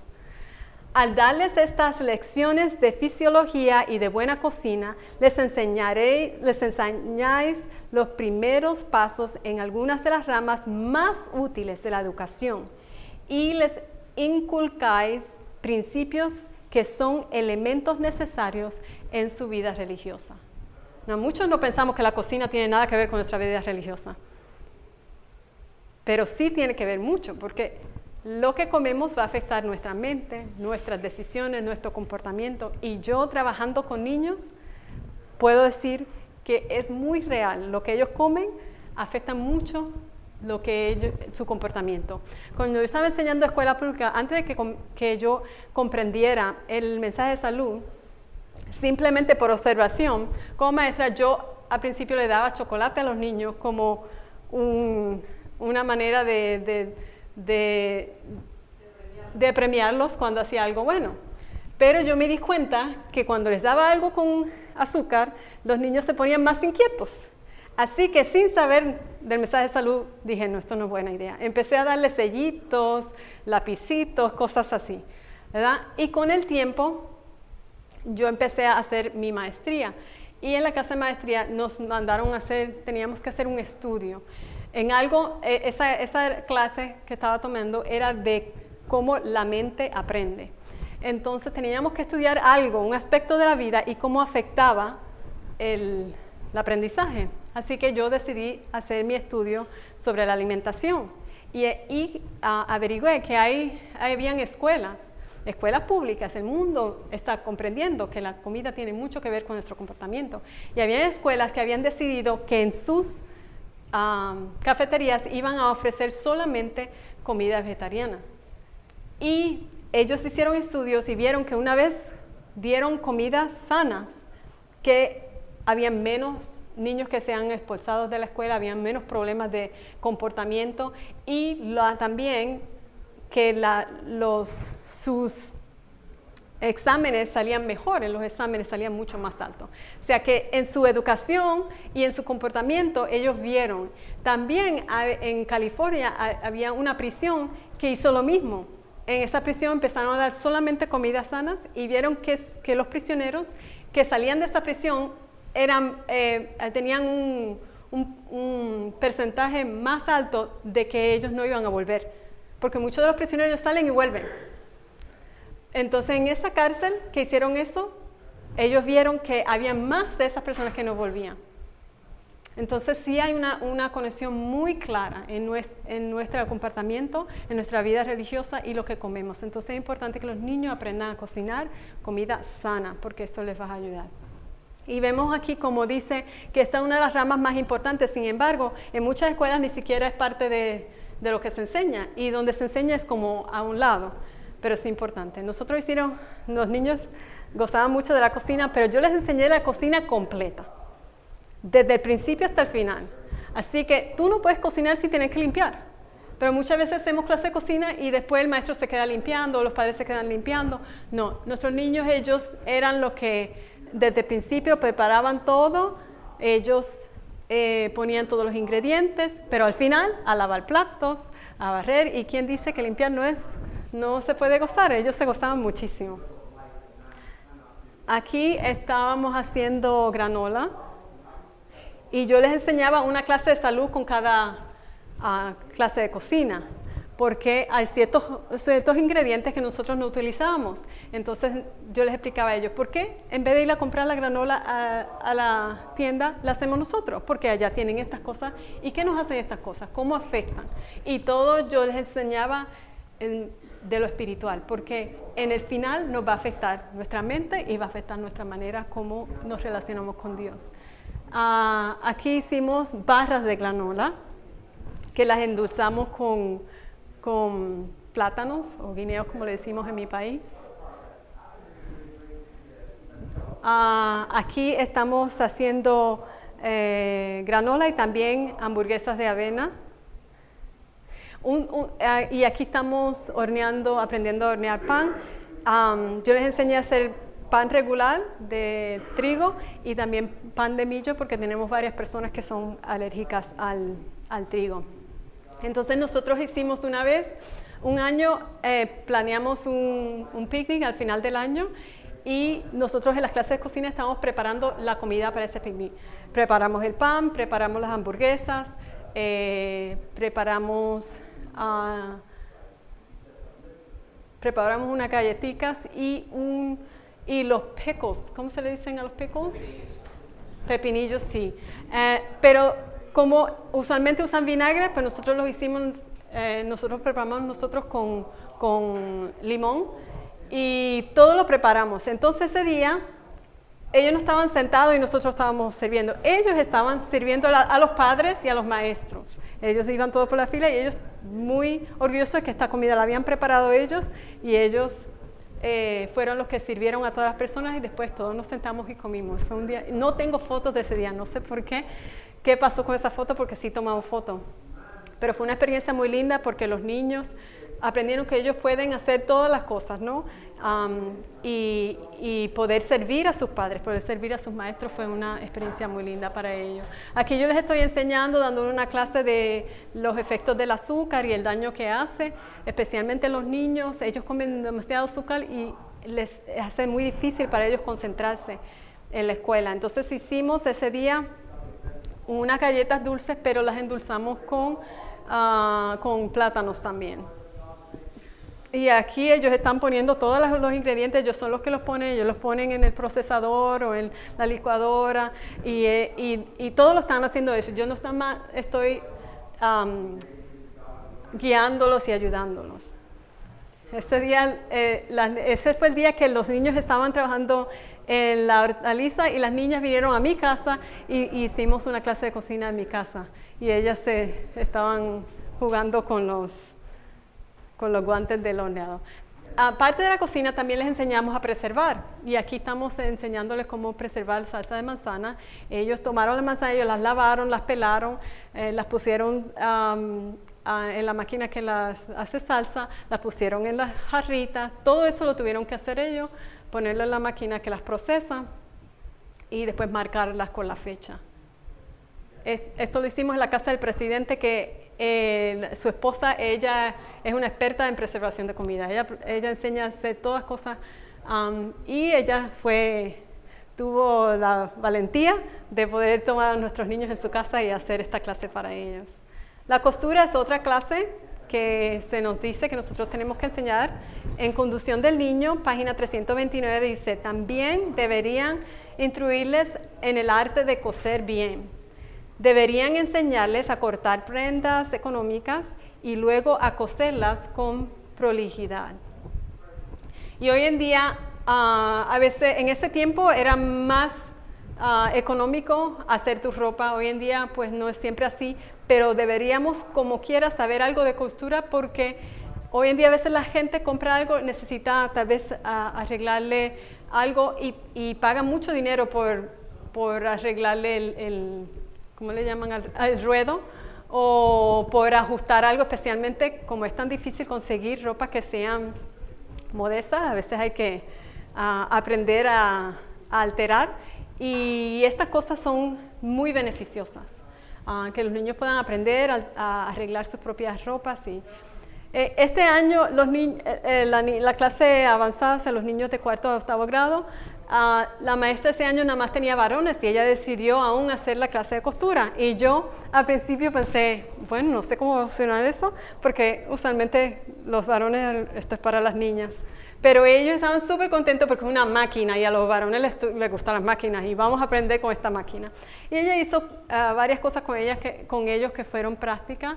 Ah, una de las cosas que ellos se gozaron más fue, hicieron unos, unos saquitos pequeñitos así que los llenaron de frijoles y que ellos le llaman hacky sack y con eso se iban para afuera y jugaban con eso muchísimo y hicieron una almohadita, varias cosas. Ella también les enseñó a tejer, yo no sé tejer, así que yo estos son mis niños. Ellos aprendieron costura, pero a mano. Todavía a esa edad yo no los pongo en una máquina porque es muy, muy peligroso, ah, pero les enseñé a hacer algunas cositas más simples a mano. La otra materia que se debe enseñar en nuestra escuela es el manejo de las herramientas. Consejos para maestros, página 1.17 dice, cuando llegan a una edad adecuada, deben proveérseles herramientas resultarán alumnos idóneos. Si el padre es carpintero, debe dar a sus hijos lecciones de carpintería. Esto es en mi salón de clase y eso es un drill. Taladro. Ok, un taladro. déjeme decir algo. Yo el, le voy a mostrar la próxima para que aprenda. El, el que estaba dirigiendo la, la hortaliza en este tiempo, él me dijo un día, yo quiero dar una clase a los niños de construcción. Y yo, ese era mi segundo año enseñando ahí. Venía de escuelas públicas donde todo es, tú no tomas riesgo porque si los niños se, tienen un accidente, cierran la escuela. Tú sabes, todo, y yo dije, ¡Ah! construcción, martillos, serrullos, ay, los niños se van a cortar. Y yo decía, no puede ser yo bueno, no estoy, no estoy segura, ah, explícame qué es lo que tú piensas hacer. Y él así más o menos me dio idea y yo le dije, bueno, lo podemos intentar, pero es importante que hayan varias personas adultas ahí para que los niños estén, eh, no, estén en peligro. Pero él lo tenía todo muy organizado. Entonces, eh, ahí él tenía en cada, en, cada área ellos estaban aprendiendo a utilizar una de las, y yo no en este tiempo no había leído esa cita que vimos, que ellos tienen que aprender a utilizar herramientas, pero él tenía esto para, preparado para ellos y, es, y los niños hicieron muy bien. Y yo nunca había utilizado un taladro. Y cuando vi a los niños utilizando el taladro, yo dije, no, pero qué vergüenza. Tengo que aprender a hacer un taladro. Entonces, el taladro que vieron en la, en la, anterior, ese era mío, lo compré. Después de esta clase, yo lo compré. Y, y comencé a, aprender a utilizarlo. Y yo, que no sé nada de construcción, eh, en mi casa me enseñaron muy bien a hacer muy bien las cosas que se consideran para una mujer limpiar, cocinar, yo muy bien. Pero en cuanto a las otras cosas, no, eso es para los hombres y yo nunca aprendí esas cosas. Siempre mi papá me arreglaba todo, aún, de adulta. Yo llamaba a mi papá, mira, papi, se me dañó esto y él venía a arreglaba. Entonces aquí pues dije, no puedo seguir así porque tengo que enseñarle a los niños y no está mi papá. Entonces empecé a aprender y les enseñé ah, varias cosas a los niños, pero aquí ellos aprendieron y después que ellos aprendieron esto, eh, el, el director de la clase dijo, yo quiero que ellos construyan un, un cobertizo para la hortaliza. Ahí ellos guardaban cosas, guardaban especialmente la leña que utilizaban para, para lo que calentaba las, ¿cómo se le llama? La greenhouse. Invernadero. Invernadero, muy bien. Tengo que aprenderme estas cosas. Yo, yo nací y crecí en Puerto Rico, pero llegué a los Estados Unidos a 17 años, así que mi español es el vocabulario de una persona de 17 años que no sabía nada de agricultura, así que eh, estoy aprendiendo todavía. Entonces aquí en esta, ellos, de cortar la, la madera, como pueden ver arriba, ellos, la, ellos utilizaban una, una herramienta para medir para que quedara exacto, la marcaban, la cortaban y ven a la niña al final, ella cargaba la madera hasta donde le íbamos a poner, los niños la iban cargando allá y e, ellos la ponían, la estaban martillando y también utilizando el, el taladro y ellos fueron los que construyeron esto con la ayuda de los trabajadores ahí en la hortaliza. Juntos pudieron poner esto. Y entonces para los niños ahora pasar por ese lugar y ver que ese pequeño edificio lo pusieron ellos es algo muy grande para ellos. Y cuando lo terminamos también lo pintamos. Y ellos, como pueden ver, se gozaron mucho de esa actividad. Ah, eh, pintaron todo el, el cobertizo. Aquí estamos en mi salón de clase. Esta vez hicimos, necesitamos un escaloncito para poder alcanzar la, la pizarra, para que los niños pudieran alcanzar. Y yo empecé a buscar y dije, yo no, no, sabía que estas cosas eran tan costosas. Y después dije, ¿y por qué vamos a comprar uno? Vamos a hacer uno. Y empecé a buscar así en, en, en YouTube, se consigue de todo. Y, hicimos uno muy simple porque como les digo, yo no sé nada de, estas cosas.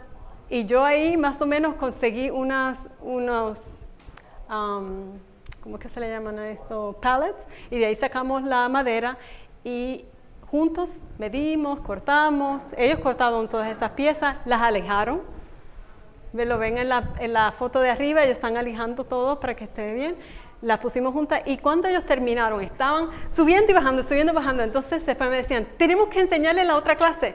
Y yo dije, ok, pues déjame preguntarle a la maestra. Y yo voy caminando para preguntarle a la maestra si podemos mostrarle a los niños. Y ellos ni siquiera me dejaron hablar y entraron con el, con el escalón, lo pusieron en el medio y dijeron, maestra, tiene que tratarlo.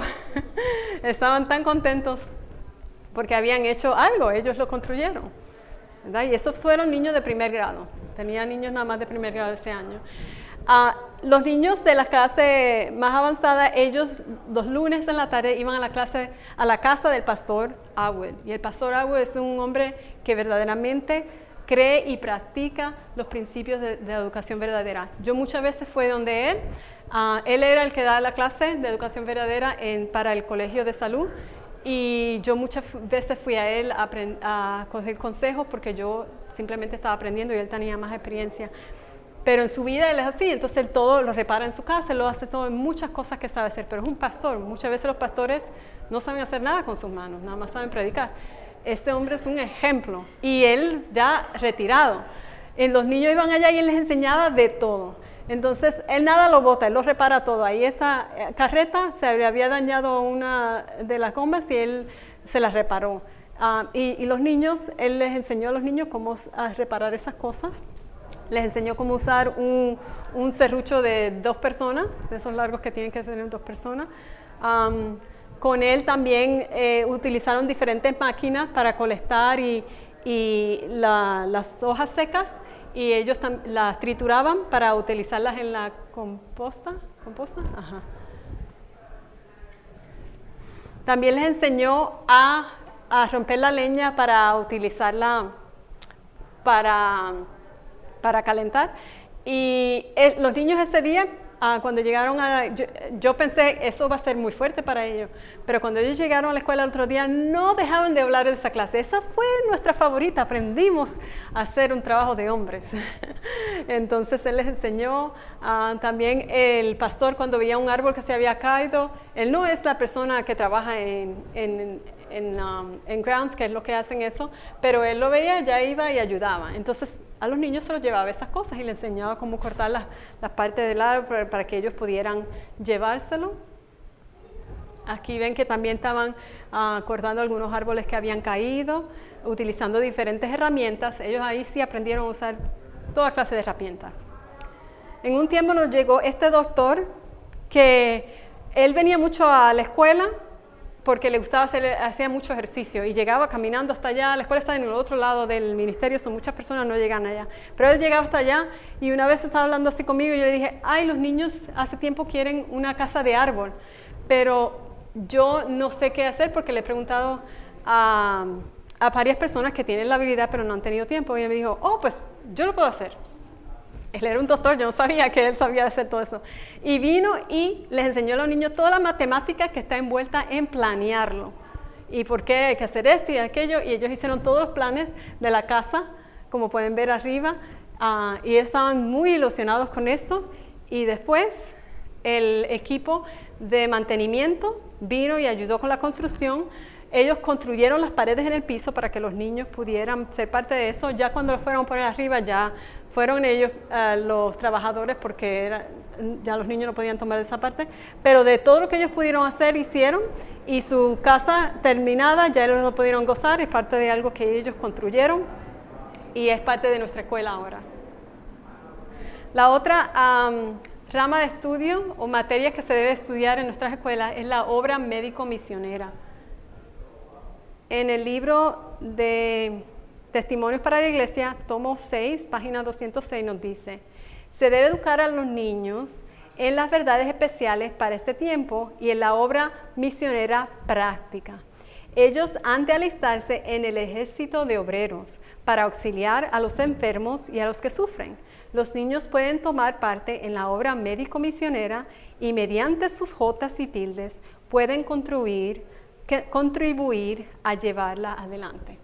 Así que en nuestra escuela nosotros enseñamos diferentes cosas ah, que ellos pueden aprender para ayudar a las personas que están enfermas. Aquí estamos aprendiendo un tratamiento de electroterapia muy simple que cualquier persona puede hacer en su casa ah, utilizando el calor y el frío.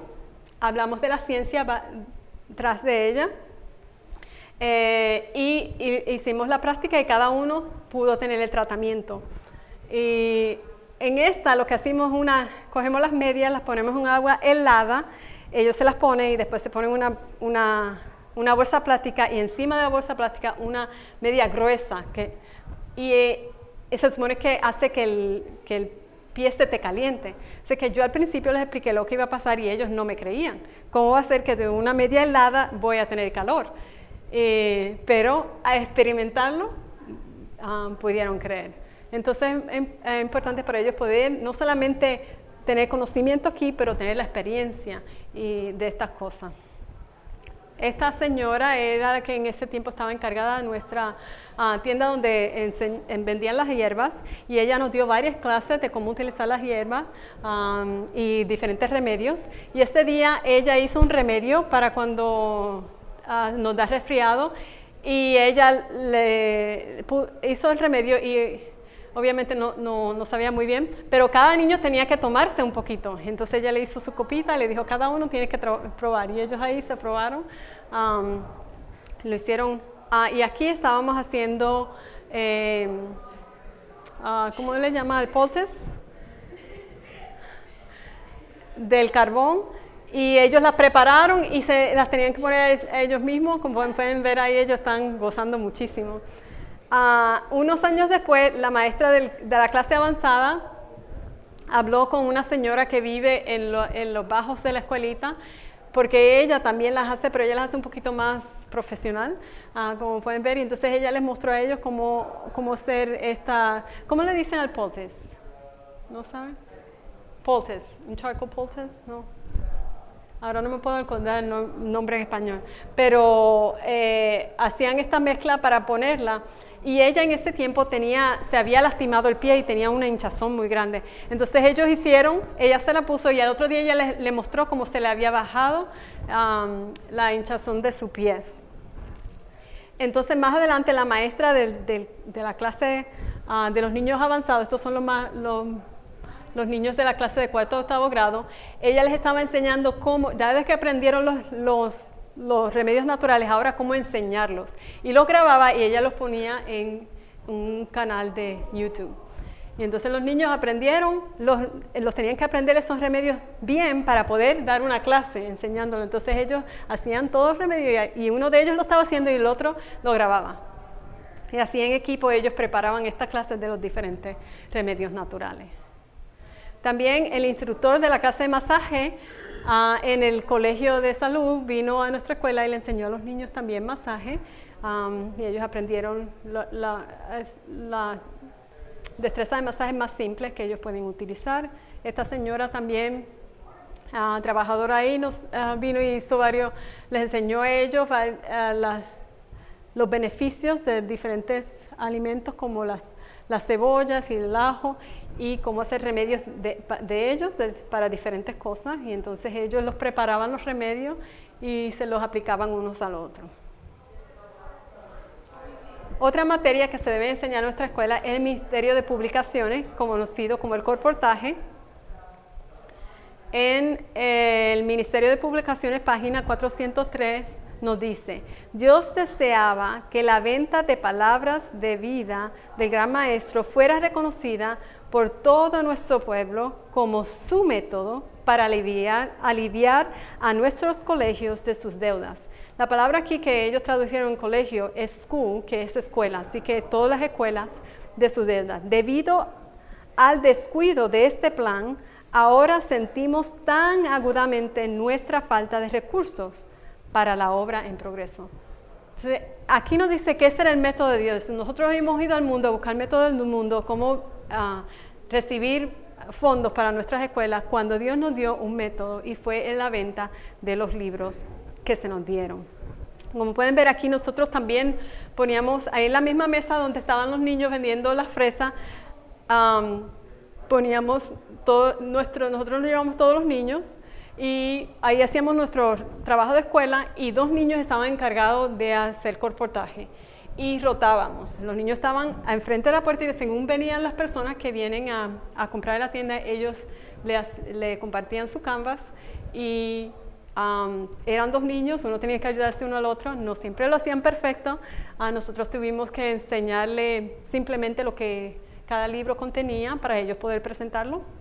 Al principio ellos se quedaban a veces eh, como que del mismo nervio, no sabían qué decir, se quedaban como que ahí eh, paralizados, pero con el tiempo se desenvolvieron y, y empezaron a hablar más y muchas personas quedaron, decían, no, nunca habíamos visto niños hablar tan, tan bien y, expresarse tan bien.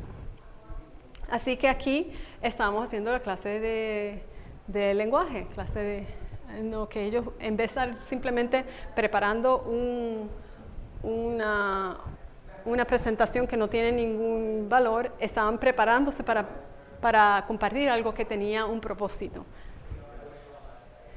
Y ellos estaban tan animados que no querían esperar que las personas vinieran, empezaron también como con las fresas a ir hasta allá y ahí iba el, el, la persona encargada de la hortaliza y iba en su máquina y ellos se fueron allá a venderle un libro y él les compró.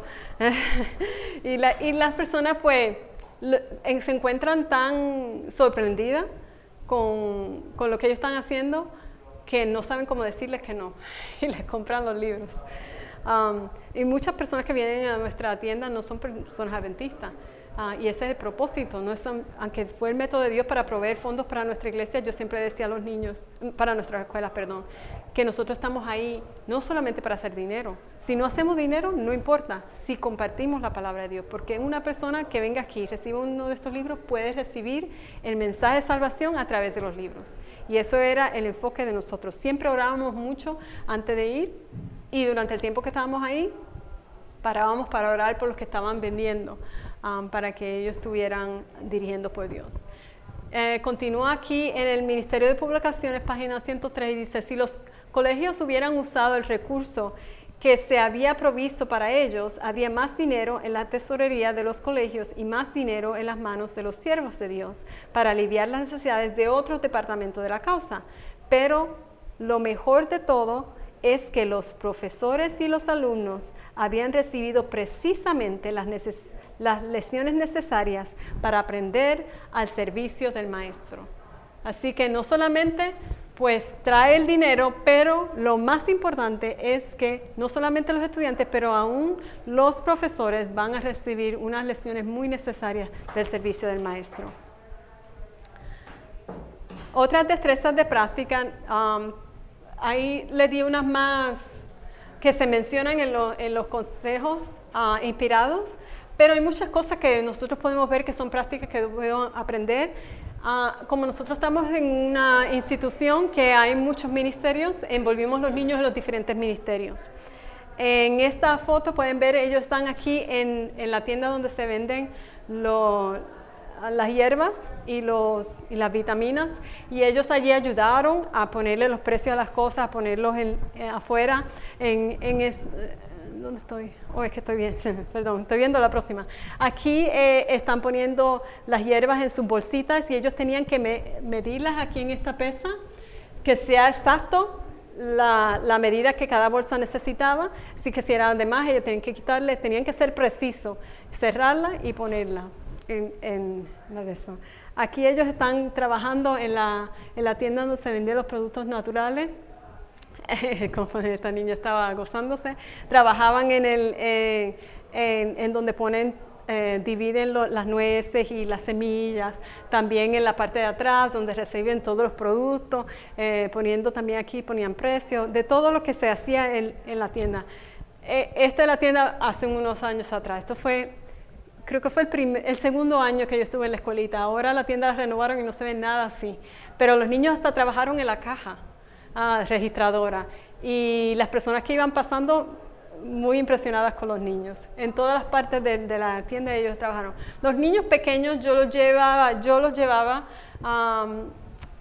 ciertos tiempos durante el año, no todo el tiempo, pero los, los que son de la clase de cuarto o octavo grado, ellos iban una vez por semana y pasaban una hora allá, que ya eran como trabajadores de, de la tienda.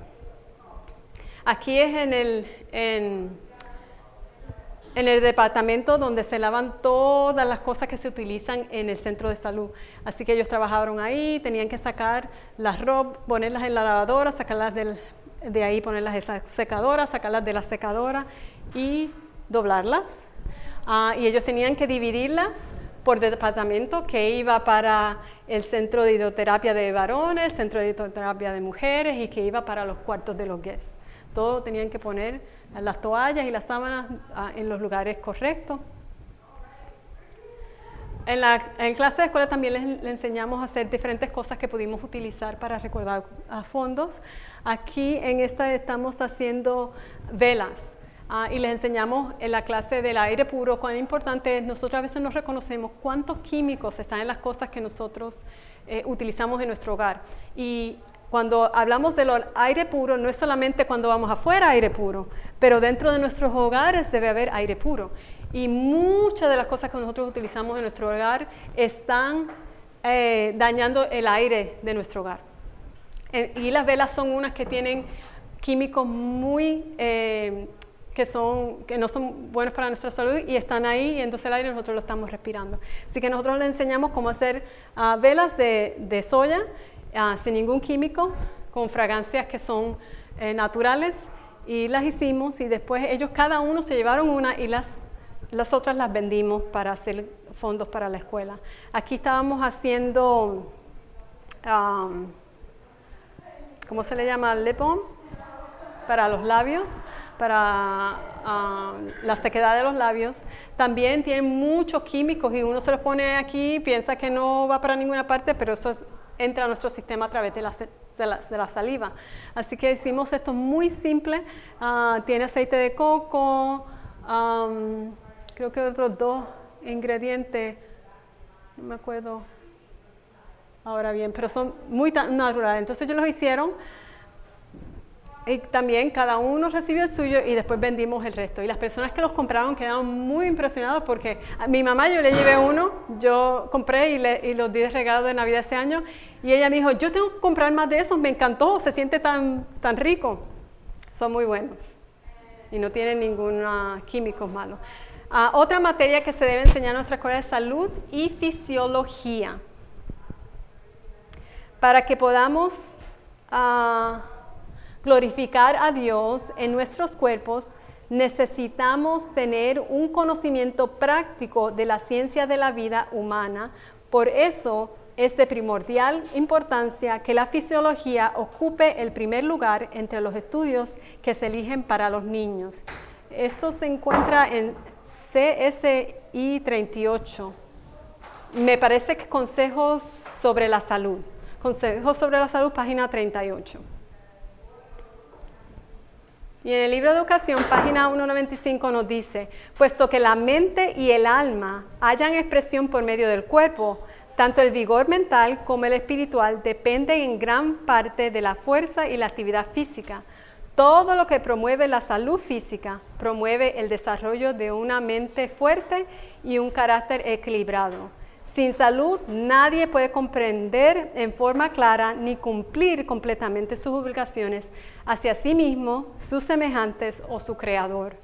Debiera cuidarse, por, por lo tanto, tan fielmente la salud como el carácter. El conocimiento de la fisiología y la higiene deberían ser la base de todo esfuerzo educativo. Así que esto es una parte muy importante. En nuestra escuela nosotros pasamos tiempo mostrándole a los niños cómo nuestros cuerpos trabajan. Ah, aquí los niños estaban aprendiendo las diferentes partes del cuerpo. La clase de los niños uh, de cuarto o octavo grado aprendieron estas cosas y después los niños de primero o tercero vinieron y ellos le enseñaron a ellos lo que ellos estaban aprendiendo en su clase de fisiología y anatomía. Aquí le están enseñando cómo ah, trabaja el oído, y ellos utilizaron cosas prácticas para enseñarles a los niños lo que pasa dentro de tu oído. Este estaba enseñando de la boca. Me parece que esto también tenía que ver con el oído y el balance, los ojos. Y aquí prácticamente ellos enseñaron lo que pasa con la pupila cuando viene la luz dentro del ojo. Y obviamente también enseñamos la salud en conexión con eso. Ah, pero una de las, materias más importantes, si no la más importante aparte de la Biblia, es el desarrollo del carácter. Este es el enfoque de todas las cosas que los niños tienen que estar aprendiendo. En el libro Condición del Niño, página 76, nos dice, una de las primeras lecciones que necesita aprender el niño es la de la obediencia. Se le debe enseñar a obedecer antes que tenga edad suficiente para razonar. Ah, consejos para los maestros, página 123, 117, perdón, nos dice, no se debe permitir a los niños que piensen que todo lo que hay en la casa es juguete suyo, que pueden hacer con ello como quisieran, como quieran. Aún a los niños más pequeños deben dárseles instrucciones al respecto, corrigiendo este hábito, se le, corrigiendo este hábito se lo destruirá. Dios quiere que las perversidades naturales a la infancia sean desarraigadas antes de transformarse en hábitos. Y muchas veces pensamos, oh, son niños, los dejamos que jueguen con todo, rompan todo, pero esta parte es muy importante. Desde niños ellos tienen que aprender, no, no se rompe eso, no se juega con aquello. Uh, Esas son cosas importantes. Pensamos que le hacemos daño al niño para no permitirle, pero en realidad estos hábitos, si no se corrigen, se van a formar en hábitos que va a ser más difícil cambiar ah, en una edad más avanzada. En este mismo libro ah, continúa diciendo, las madres deben precabecerse para no enseñar a sus hijos a depender de, de otros y pensar solo en sí mismos. Nunca les deis motivo de pensar que son el centro y que todo debe girar alrededor de ellos. Algunos padres dedican mucho tiempo y atención a divertir a sus hijos, pero debe enseñárseles a divertirse solos, a ejercitar su propia ingenio y habilidad. Así aprenderán a contentarse con placeres sencillos. Debe enseñárseles a soportar valientemente sus pequeñas desilusiones y pruebas. En vez de llamar la atención a todo dolor trivial o lastimadura, distráigase su mente. Enséñeles a, pasar por alto las pequeñas molestias. En el mundo de hoy hacemos lo opuesto. Pensamos que el niño se le puede dejar que, llore, que no pase nada, ah, y los queremos proteger de todas estas cosas, pero en realidad debemos enseñarles que ellos no son el centro de, atención. Muchos padres se, molestan porque llevan a los niños a la iglesia, no les enseñan cómo comportarse, hacen un ruido y las personas se molestan y los miran con molestia y ellos piensan que esta persona está mal. Pero cuando yo llevo a mis niños, no son mis niños, pero son mis niños cuando están en la escuela, nosotros muchas veces hicimos parte de la iglesia. Eh, dirigimos escuelas sabáticas, hicimos especiales de todo y ellos de principio a fin hacían todo el programa. Y yo les enseñé que ellos no pueden pensar nada más en sí mismos. Si tú vas a la iglesia y empiezas a hacer ruido, ¿qué va a pasar con las personas que están alrededor? Nosotros tenemos que enseñarles de pequeño, porque nosotros naturalmente pensamos en sí mismos, pero nosotros, si vamos a ser cristianos verdaderos, tenemos que pensar cómo nuestras acciones afectan a los demás. Y desde pequeño ellos tienen que pensar, no en, mí, yo quiero jugar, pero ¿y las demás personas? Ellos vinieron a escuchar y no pueden escuchar porque tú estás haciendo todo ese ruido. Entonces ellos pueden aprender desde pequeño esa experiencia y aunque no pueden atender, pueden pueden hacer algo callado que no, esté distrayendo a los demás. O sea que hay que enseñarles que no es todo gira alrededor de ellos, pero ellos tienen que pensar en los demás. Servir a otros es una parte muy importante de, desarrollar el carácter. Los niños deben ser educados. Uh, esto está en Hogar Cristiano, página 443. Los niños deben ser educados de tal manera que simpaticen con los ancianos y afligidos y procuren aliviar los padecimientos de los pobres y angustiados.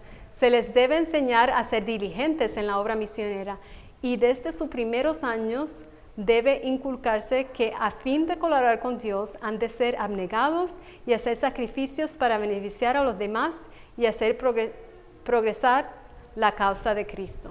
En esta foto nosotros estamos en, la casa de uno de, nuestros ancianos que ya no está trabajando, ella es una señora que trabajó muchos años en la escuelita um, y ahora está retirada y está, ya ya no puede ver bien. Entonces una vez yo la visito mucho y me dijo, no puedo ni limpiar mi casa porque no sé si está sucio. Así que nosotros fuimos con los niños y le limpiamos la casa. Y después que limpiamos uh, la casa, ella nos contó una historia. Esta es otra señora, ya ella uh, murió, eh, fuimos a su casa y ella sí vivía con su, con su hija y y el esposo de su hija, así que ella tenía quien le cuidara, pero fuimos a llevarle un poco de alegría, le cantamos. A las personas les encanta escuchar la voz de los niños cuando cantan. A este otro, otro de nuestros ancianos fuimos a ayudarle en su jardín. Él le encanta plantar, también ya murió. Y pues no podía hacer mucho porque ya se estaba debilitando su salud, así que nosotros le ofrecimos ir y estaba tan contento porque había mucho que atrasado en su jardín. Es una pareja en la comunidad que son bautistas y yo, em, una amiga mía y yo habíamos estado visitando a ellos y yo le había hablado de que yo era maestra en la escuelita y a ella le encanta la música. Y yo le dije, ay, los niños les encanta cantar. ¿Usted estaría bien si vienen a, cantarle? Hoy sí, por favor. Y llevamos a los niños y los que saben tocar instrumentos tocaron, cantaron. Eh, ellos quedaron tan impresionados y siempre eh, nos invitan a su hogar. Personas que también ya están ancianos ya no pueden trabajar, están en su casa solos y fue un gozo para ellos y también una oportunidad para los niños ir a la comunidad, personas que son de nosotros. Aquí los niños estaban ah, dirigiendo una escuela sabática. Este es en el centro de salud. Esta señora tenía problemas de depresión y el centro de salud, nosotros siempre hacemos un programa para ellos y cantábamos y llevamos manualidades, pero nos llamaron y dijeron, esta señora podría ser que ellos vayan a su cuarto y le canten a ella. Y fuimos y ella quedó tan contenta. Los niños la pasaron muy bien, simplemente compartiendo el amor y, el gozo de Jesús con los demás. Aquí estamos visitando al pastor cuando estaba enfermo. También le compartimos a él y traerle un poco de gozo. En Conducción del Niño, página 122, nos dice, hay que educar a los niños para que sean abnegados. Una vez, cuando hablaba en Nashville, el Señor me iluminó respecto a este asunto. Me impresionó con gran fuerza con la idea de que en, cada hogar debería haber una caja de la abnegación y que, debería, y que habría que enseñar a los niños a colocar en esa caja sus monedas que de otro modo gastarían en dulces y en otras cosas innecesarias. Entonces nosotros en la escuela hicimos una caja de abnegación, que en inglés se le llama self-denial, como pueden ver ahí. Entonces nosotros le enseñamos a los niños que cuando le den dinero para ir a comprar dulce, para comprar cosas, que piensen en sacrificarlos y ponerlos ahí. Y de ahí hemos dado a personas que han necesitado. Obviamente la aritmética eh, es parte de la escuela, pero tiene que ser enseñado en manera eh, práctica. En, Educación página 239 nos dice, al enseñar matemáticas se le debiera hacer en forma práctica, se debería enseñar a todo joven y a todo niño, no solamente a resolver problemas imaginarios, sino a llevar cuentas exactas de sus propios ingresos y gastos. Aprenda usándolo el debido uso del dinero. Enséñese a los niños y a las niñas a elegir y comprar su ropa, sus libros y otras cosas, ya sea que los paguen sus padres o ellos mismos con sus propias ganancias. Y si llevan cuenta de sus gastos, aprenderán cómo no lo lograrán, no lo lograrían de otro modo a valorar y usar el dinero. Voy a seguir porque se me está acabando el tiempo. La historia y la profecía nos dice en el, tomo 5 de los testimonios, página 525, la profecía y la historia deben formar parte de los estudios en nuestros colegios o en nuestras escuelas. Lo que ocurre en el lenguaje, educación página 238, sucede con cualquier otro motivo de estudio. Debe ser dirigido de modo que tienda a fortalecer y al fortalecimiento y la edificación del carácter. A ningún ramo de estudio se puede aplicar esto en tan extenso grado como a la historia. Considérese desde el punto de vista divino. Así que tenemos que ver la historia del punto de vista divino. Geografía y misiones. El trato despierta simpatía y, este, y esta es la fuente del servicio eficaz. Esto es en Educación, página 269. Y básicamente, nosotros lo que hacemos en la escuela, no voy a leer toda la cita porque se me está acabando el tiempo, pero enseñamos la geografía en, cuanto a misiones. Eh, este año pasado estábamos enseñando de eh, el estudio de geografía teníamos que enseñar de los países de África y eh, en una de, de los países que teníamos que enseñar era del Congo y ahí tengo amigos que están en una misión allá. Así que nosotros decidimos, eh, de cada país, nosotros les mostramos las necesidades, los ministerios que están ahí, cómo nosotros podemos ayudar a esa gente, las culturas, las creencias, todas esas cosas, pero con el esfuerzo de que Dios nos mandó a llevar el mensaje a todas las gentes. Entonces decidimos ese año que el dinero que coleccionamos en la cajita de abnegación lo íbamos a mandar a esta escuelita. Y la mandamos allá y mi amigo mandó una foto de lo que ellos compraron con lo que los niños sacrificaron. Pudieron comprar estos libros, este animalito lo compraron también para su clase de agricultura y hicieron un desayuno en la escuela, ah, todo con las ofrendas que los niños hicieron.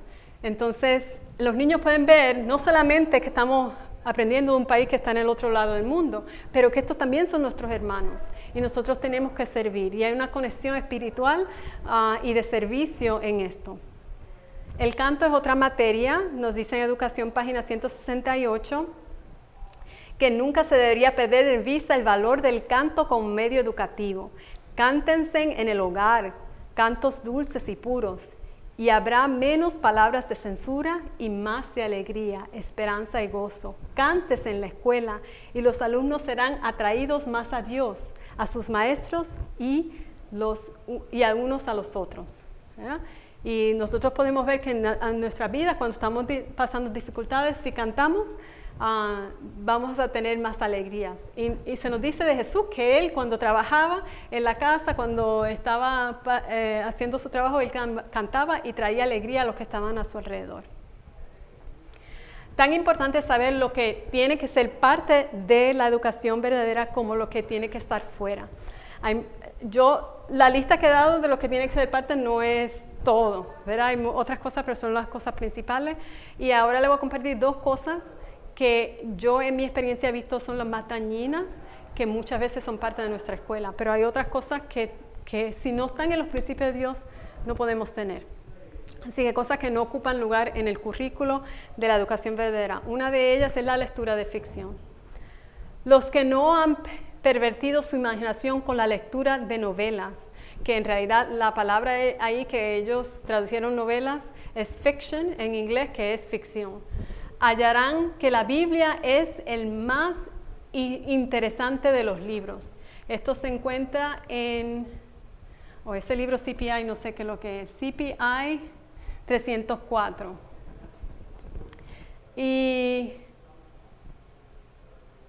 o es Ministerio de Curación. Ministerio de Curación. Entonces, esto se encuentra en el capítulo 54, que se llama Lo falso y lo verdadero de la educación. Deberían leer todo ese capítulo porque le da más, más detalles. El otro que encuentro es una más dañino es el deporte y los juegos competitivos. En Filipenses 2.13 nos dice, nada hagáis por contienda o por vanagloria, antes bien con humildad, estimando cada uno a los demás como superiores a Él mismo. En los juegos competitivos eso es lo que hacemos. Estamos tratando nosotros ser mejores. El Salvador, esto es eh, Hogar Cristiano, página 192. Dice, el Salvador reunió a sus discípulos en el derredor de sí y les dijo, si alguno quiere ser el primero, será el postrero de todos y el servicio de todos el servidor de todos, perdón. Lucifer había dicho, seré semejante al Altísimo, y su deseo de exaltación había introducido la lucha en los atrios celestiales y desterrado una multitud de las huestes de Dios. Buscaba para sí el lugar más alto y todo ser impulsado por su espíritu hará, lo mismo. Así resultarán inevitables el enajamiento la discordia y la contención. El dominio viene a ser el premio del más fuerte. El reino de Satanás es un reino de fuerza. Cada uno mira al otro como un obstáculo para su propio progreso o como un escalón para poder trapar a un puesto más elevado. Entonces vemos que el espíritu que quiere ser mejor que los demás, que lo ves como un expuesto, viene de Satanás. Jesús no tenía ese espíritu. Entonces cualquier juego, sea de deporte o no, en el que nosotros estamos tratando de ganar sobre otra persona, estamos teniendo este espíritu y no es parte de la educación verdadera. Yo voy a pasar rápidamente aquí, pero voy a mostrar. Nosotros en la escuela no hacemos ningún juego que estén compitiendo uno con otro y los niños han aprendido a gozarse de cosas simples y ayudar unos a otros.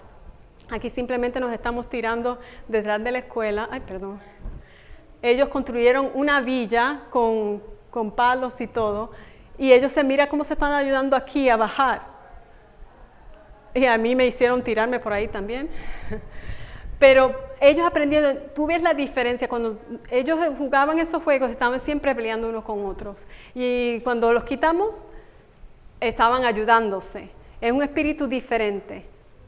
Entonces es importante que nosotros conozcamos que nuestros juegos tienen mucho que ver con nuestra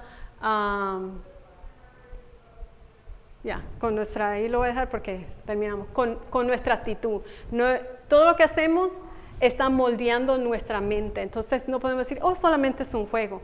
Si estamos jugando o estamos haciendo, en todo estamos aprendiendo. Entonces la educación es algo que está todo alrededor de nosotros. Todo lo que hacemos, lo que escuchamos, lo que vemos, nos está educando.